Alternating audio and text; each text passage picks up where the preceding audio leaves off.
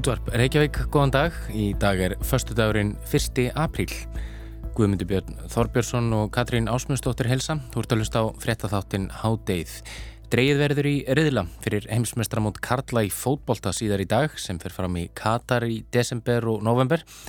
En eru þó þrjúlaus sæti eftir á mótinu og það kemur ekki ljós fyrir í júni. Hvaða lið reppa þau sæti? Drátturinn fer fram í Doha, höfuborg Katar og á mótinu verður leikið í 8-4 liða riðlum. Einar Rörn Jónsson, íþróttafrættamæður, lítur við í síðar hluta þáttarins og við spáum saman í spilin fyrir HM í fótbolta.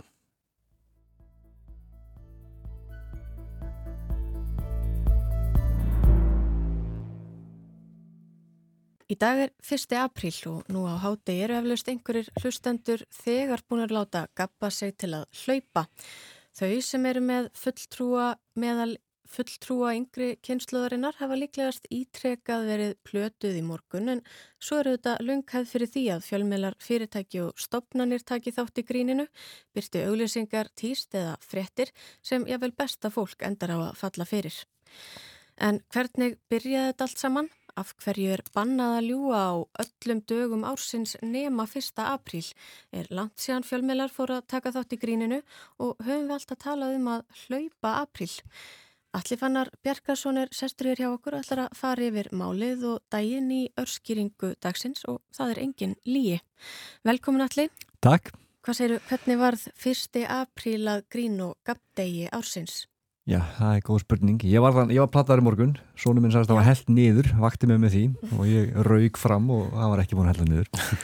En uh, já, 1. apríl, það var svona, hann hefur verið haldinn hátilegur svona á, á, á hverju ári í aldanar ás og, og víða um heim, en það verist enginn einhvern veginn að vera með algjörlega á hreinu hvernig grínið hófst. Mm -hmm. það er svona ímsa kenningar og svona því ég fór rannsaka þetta, þá voru nú flesti sakfræðingar sem að voru að reykja þetta til til miðalda þegar frakkar skipt úr júlíanska tímatalunni yfir í það gregoríska en á því júlíanska hófst nýtt ár með vorjapdæri í kringum 1. apríl og það voru getur að ná því að, að, að nýja ári hafi verið fært til 1. janúar og þetta fólk sem að, sem að var svona virtist svona trúgerðar en annað fólk eða svona einhvern veginn, pínu kannski vittlusara það var platað og, og, og því var stríkt og þau voru kallaðir apríl kjánar og og pappirsfiskar voru hengtir á þau sem, sem táknum trúgirni þeirra Pappirsfiskar? Já, það verður svona fiskar sem auðvelt er að veiða ah. og, hana, og, það, og, og þau gengum með það hana,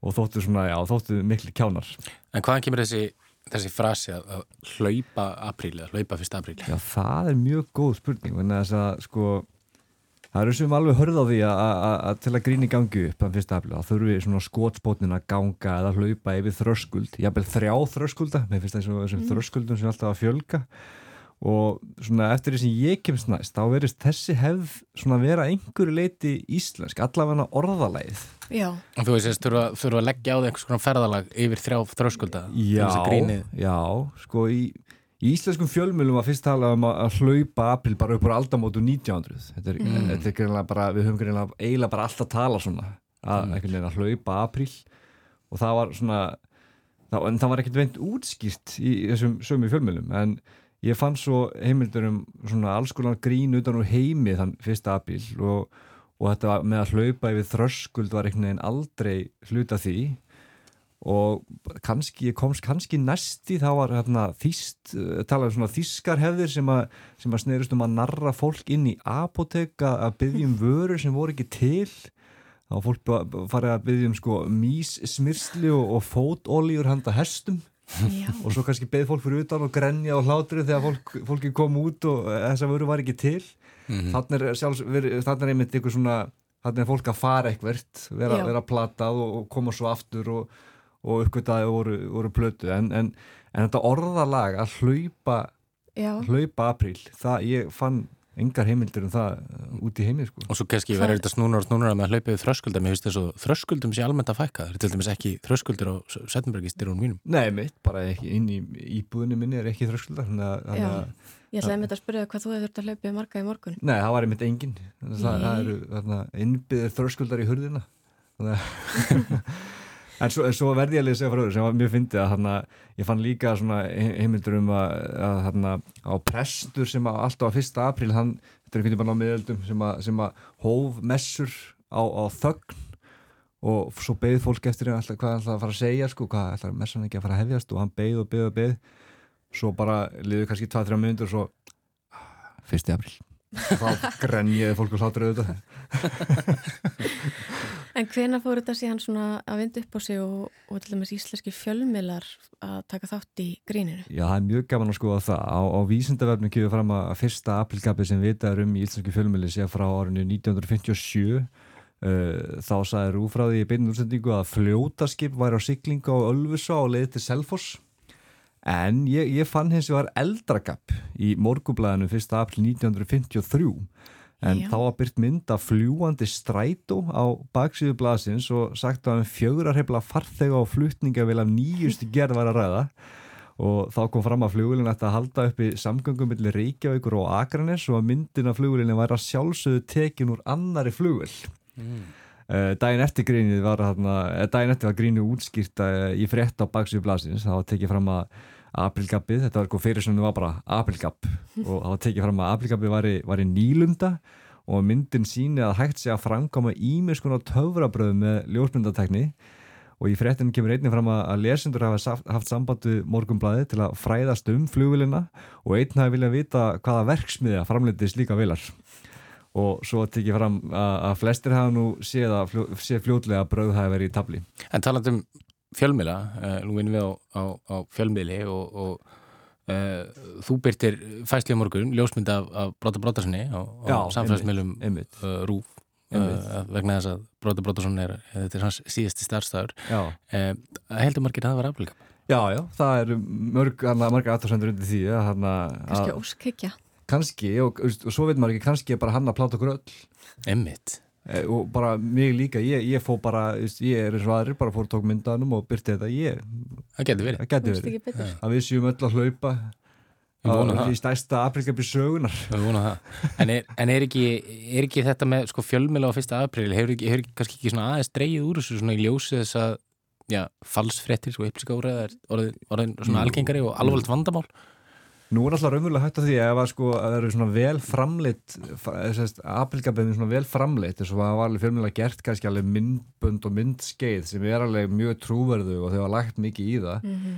Nú er alltaf raunverulega hægt að því að þetta fari bara flug sem raunverulega frétt raungu eftir fyrsta apríl Já. þannig að þetta er mjög snúnari fyrir fjölmjöla að taka þátt í þessu og þetta svona, getur svo bara öðlast einhverja vangi kannski annar staðar í heiminum eða einhvern veginn þá var enginlega stöðu að bynd Já þeirrtir eiginlega að taka hana úrumferð eftir 1. april sem er svo ekki í rauninni vel séð á nefnum frettamölu að gera Nei, mitt, þannig að svona sko mér fannst ég finna fyrir því að fjölmjöla væri svona ekki alveg að til í þetta svona kannski fyrir bara örfáum árum sko mm -hmm.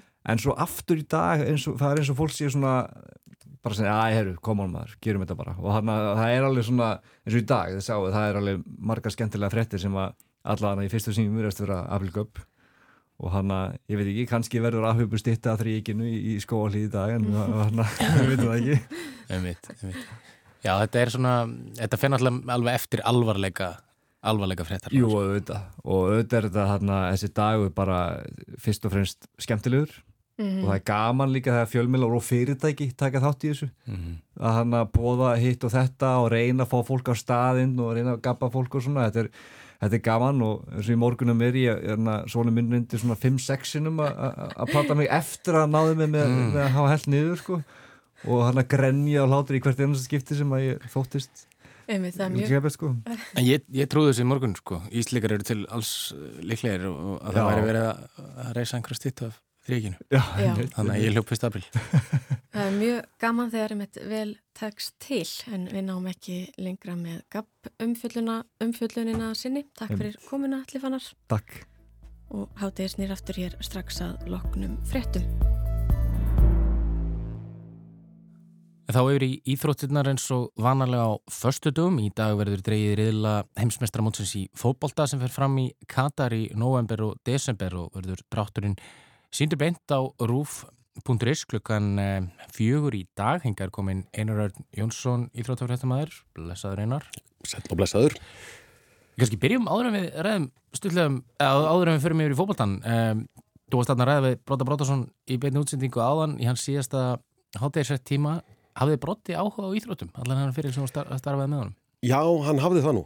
Alveg svona lúmskan áhuga. Bróti náttúrulega hafði áhuga og hefur áhuga á öllu sem að við kemur einhvern veginn mannlegu lífi og, og það sem Bróti hafði náttúrulega líka var svona ákveðin galsaskapur þegar komað að íþróttum það var aldrei hægt að slá að nota læginu með erfiðum nöfnum eða eitthvað svona, hann bara rendi í gegnum það eins og hann var í innfætur mm -hmm. en hann hafði einstatt lag á að koma hins vegar íþróttafréttamönnum úr jafnvægi með óundirbúnum spurningum Nefnt. þegar við vorum í beitni einhver starf út í heimi eða eitthvað og búið að skrifa tværtur spurningar sem hann átt að spurja að, þá hafði hann alveg einstatt lag að koma með einhverja allt, allt aðra spurningu í upphafi svona til að slá fólk aðeins út af læginu Einmitt, hann ég man og ég var einu svona að taka viðtal við úlingstúlkur sem voru að fara á Justin Bieber tónleika í beinutsettingu í háturisrættum og þá spyr hann mig allt í einu Er þú jafn spendur og þessar stúlkur sem ást að tala við góðmyndur? Já. Sló með þess að tala Já, þetta er, þetta, er, þetta er kunst að koma fólki úr lægi eða út af spórinu í, í beinni útsendingu af því að alla jafna gætur svara þessari spurningu á þess að hyggsta mm -hmm. en bara því þú ert búin að undirbúa að segja eitthvað annað og svo þú spurður að einhverju algjörlega allt, allt öðru að þá einhvern veginn verður mannir fótaskortur á tungunni og allt fyrir stegg. Emitt, hans verður sást sagnað en þá yfir í fókbaltan, eins og ég sagði á það, þá verður dreyið í riðla á hensmestramótunum sem fyrir fram í nógumber og desember.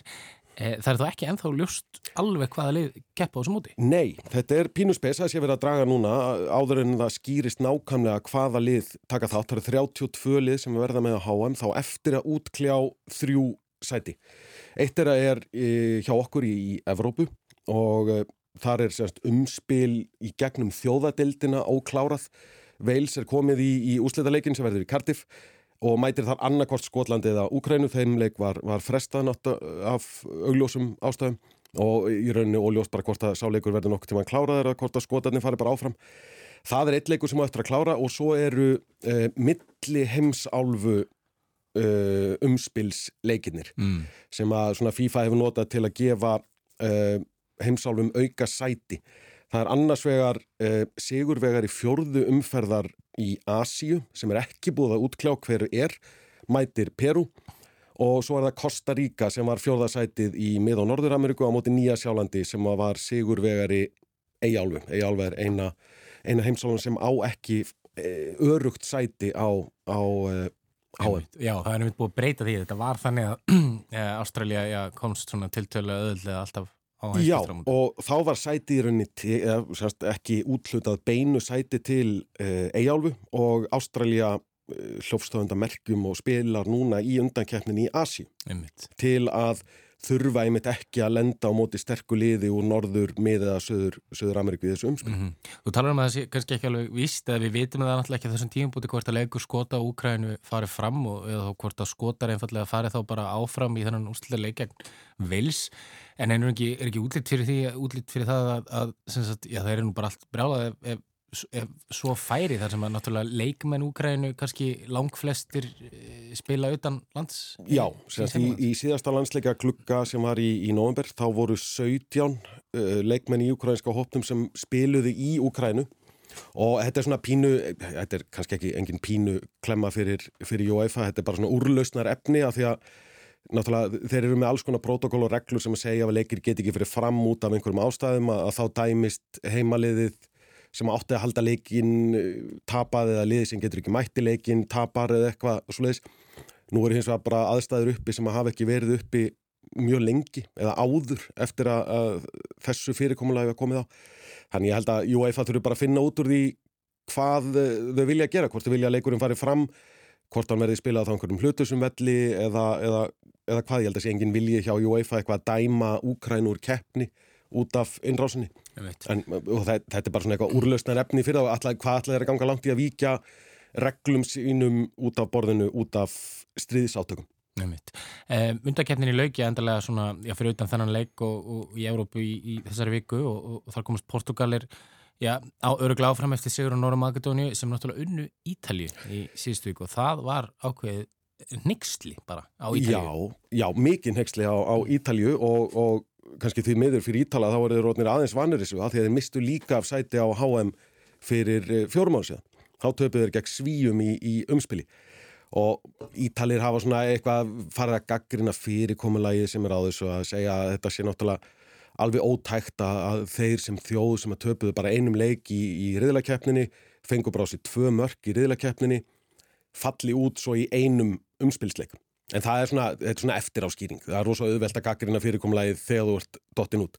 Þeir vissu nákvæmlega aðhverju þeir genguð þegar þeir fóru inn í undakefnina, náðu ekki að klára sitt þar og náðu heldur ekki að klára sitt í, í umspilinu og þetta er leiðinda klísja en, en, en úslitin ljú ekki og mm -hmm. þetta snýst um að skora mörg og Ítal, Ítalir eigin vandrað með að skora mörg og þó þeir hafi orðið Európumeistara núna bara fyrir 8 mánuðin síðan að þá þarfstu bara að standa því í næstu keppni þú ert bara jafn góður og síðasti leikur segið til um og, og Ítalir runnu svolítið á svellinu þarna og, og það verður syndaðir sé ekki með á, á HM að Evrópumeistararnir sé ekki með á, á HM er náttúrulega algjörst einstæmi en bara íþróttir eru bara grimmur heimur og, og úslitin ljú ekki.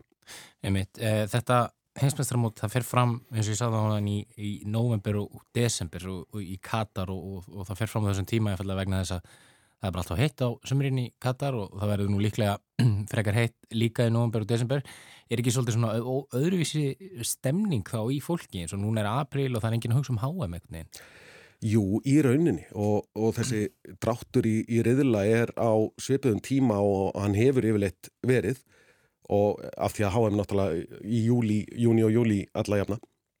En þá svolítið læt, lættist aftanamanni núna allt hennu bara verið að draga í riðla fyrir eitthvað mót sem er eftir, eftir tæplega halvtár eða rúmlega halvtár og náttúrulega fyrir okkur á norður kveli jarðar er eh, nýlunda að HM farið fram að, að vetri til en suðu kveli náttúrulega þekkir það vel að, að það sé hávetur þegar, þegar mótið fer fram mm. en þetta, það sem að, kannski þetta aðalega gerir er að náttúrulega riðla allri öllu deildaskipulagi og öllum álfu keppnum sem eru alla jafna spilaða frá september og, og fram, í, fram í mæ. Þannig að það verður, verður áhugavert að sjá næsta vetur svona út frá álægi á, á leikmenn og, og það er náttúrulega búið kvart undan álægi í mörg mörg ár og svo bætist þetta, þetta ofan og kemur inn í mitt tímabilið að bæta hellingaleikjum og ná bestu leikmenn heims og stoppa allar deildakeppnir og þurfa svo að fara aftur á stað með meistaradeildina og Copa Libertadores í Suður Ameríku og, og allt þetta. Má gera ráð fyrir því að, að tíma að kennistímbilin verði lengt á einhvern nátt að kannski getur byrjað fyrr eh, næsta sömmar og, og, og enda þeir þá? Já, það er eiginlega óhjákvæmilegt að þeir þurfi að, að lengja tímabilið í báða enda mm -hmm. og það sem að HM hefur ekki gert er að breyta nokkur neginn skipulagi á undakeppni eða þjóðadildinni fyrir, fyrir næsta Evrópumót og sömulegis í Suður Ameríku og Asíu fyrir þeirra álfukeppnir Þannig að það dempist náttúrulega bara bent ofan á keppnistímabilið í, í deltunum. En þeir verða að tegja það bæði byrjáliti fyrr, enda aðeins, aðeins síðar, af því að annars lenda þeir bara inn í klemmunni sem eru næstu landsleika glukkara, því að boltinn og peningavélinn þarf að rúla áfram eh, einhvern veginn að, eh, að þér virðist að eilifu. Einmitt. Eh, einar peningastjórna heiminum, við vitum það og, og, og síðasta heimsmyndstarmóti var haldið í Rúslandi. Þetta heimsmyndstarmóti er haldið í Katar. Eh, bæ, þessar ákvarðanir voru báðar mjög undildar uh, eh, að, að veita þessum löndum um, rétt til þess að halda heimsmestramótið. Uh, finnst þér eins og aðeins núna hafi þessar gaggrinsrættir lækkað í aðdraðanda mót svo fólk sé fara að hugsa já þetta er HM og kannski hvort það stríði Úgrænu sé svolítið að taka aðteglina frá þeim já fjölmörgum mannreitindabrótu sem hafi verið framin í Katar í aðdraðanda þessa móts það mögulega kannski bara fer minna fyrir því að því að þetta hefur verið í deglunni alveg frá því að Katar var útlutað mótinu. Katar er smáþjóð á, á alla mæli hverða eh, og einhvern veginn eh, algjörlega óhugsandi að þjóð sem að telur miljón íbúa, þar af 300.000 innfæta, geti hend upp átta íþrótaföllum sem að samanlagt rúma alla þjóðina og, og náttúrulega mannreittindabrotin hafa verið all, í miklum svona í sviðisljósi fjölmiðla undanfærin ár og það mingar einhvern veginn ekki og fjölmiðlar bæði hér heima og út í Evrópu í bandreikjónum og, og viðar fjalla mjög mikið um og er með mikinn fókus á mannréttinda brotin sem hafa verið framinn kannski beint í tengslum við byggingu þessara leikvanga, fjölda verkamanna sem hafa látist og, og, og allt slikt. Svo kannski það sem gerðist á síðustu tólf mánuðum var að leikmenn og almenningur í löndum kannski sem við mest séð í Evrópu svona kalla eftir því að, að þjóðir myndu sniðganga HM og einhverju leikmenn tóku bara mjög hjartanlega undir þetta en það einhvern veginn eru leikmenn í liðum sem að er ekki á leiðinni á HM og komist ekki á HM. Maður hefur lítið séð frá leikmennu þeirra þjóða sem eru búin að tryggja sér sæti á HM en ég held að Louis van Gaal þjálfari hollendinga, hann svona kjarnaði þetta svolítið um daginn, hann var spurður á blagamannafundi hvað hann finnist um að móti væri haldið þarna og van Gaal er mjög hrinskilin maður eins og hollendingar eru flestir. Og hann sagði að FIFA vildi reyna að halda því á lofti að þetta væri til að stuðlað aukinni útbreyðslu fótboltans í, í Asíu og á Arabíu skaganum og Fann Kall sagði bara þetta er allt saman þvættingur, þetta er bara peningandir og það er eina sem að skiptir í FIFA máli. Og ég held að hann hefði svolítið bara hitt naglan á höfuð, þetta er sem allir eru búin að vera að hugsa.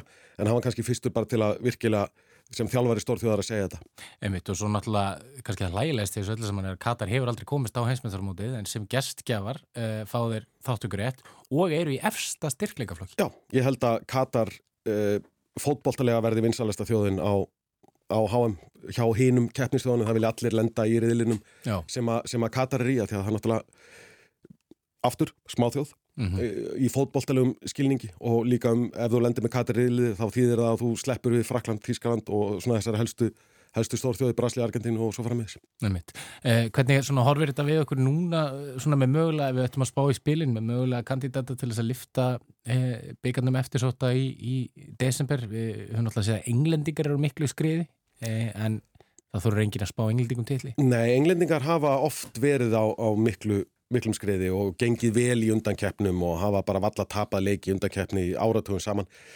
Svolítið aðeins runnið á, á svellinu þegar á stóra sviðið er, er komið. Uh, hann náttúrulega hefði verið rosa auðvelt að spá Evrópumeistarunum góðu gengi en þeir eru ekki með. Argentína er Suður-Amerikumeistari farnir að, að eldast aðeins hann að, þetta eru þessi förstu, förstu liðir Brasilia, Frakland, England mögulega og náttúrulega og svo Eh, stórmóta þjóðverjar er einhvern veginn mm -hmm. alltaf allt annað lið en, en í aðdraganda stórmóta þjóðverjar. Einmitt, og svo má ekki gleyma Portugalum og þetta er náttúrulega í síðasta skipti sem við sjáum líklega öllum líkindum þá Lionel Messi og Cristiano Ronaldo keppa á heimsmestrar. Já, fyrst við vorum að hvaðja brotta hérna fyrir í dag, þetta er svona þetta er enda, endalóg tímabils að sjá þessa tvo helstu stórsnillinga fókbaltasögunar spila á, á stórmóti. Emitt. Við heldum áfram að fylgjast með þessu í aðdraðanda móts en hátegi verður ekki lengra í dag. Um, við Katrín ætlum að fara að kasta kveði á Bróta Brótarsson og við heyrumst aftur eftir helgi. Já, þátturinn og allir hinnir eru aðgengilegir í spilaranum og hlaðvarpsveitum og það er alltaf hægt að senda okkur post með ábendingum á netfangið háttegið hjá rúf.is. Verðið sæl og góða helgi.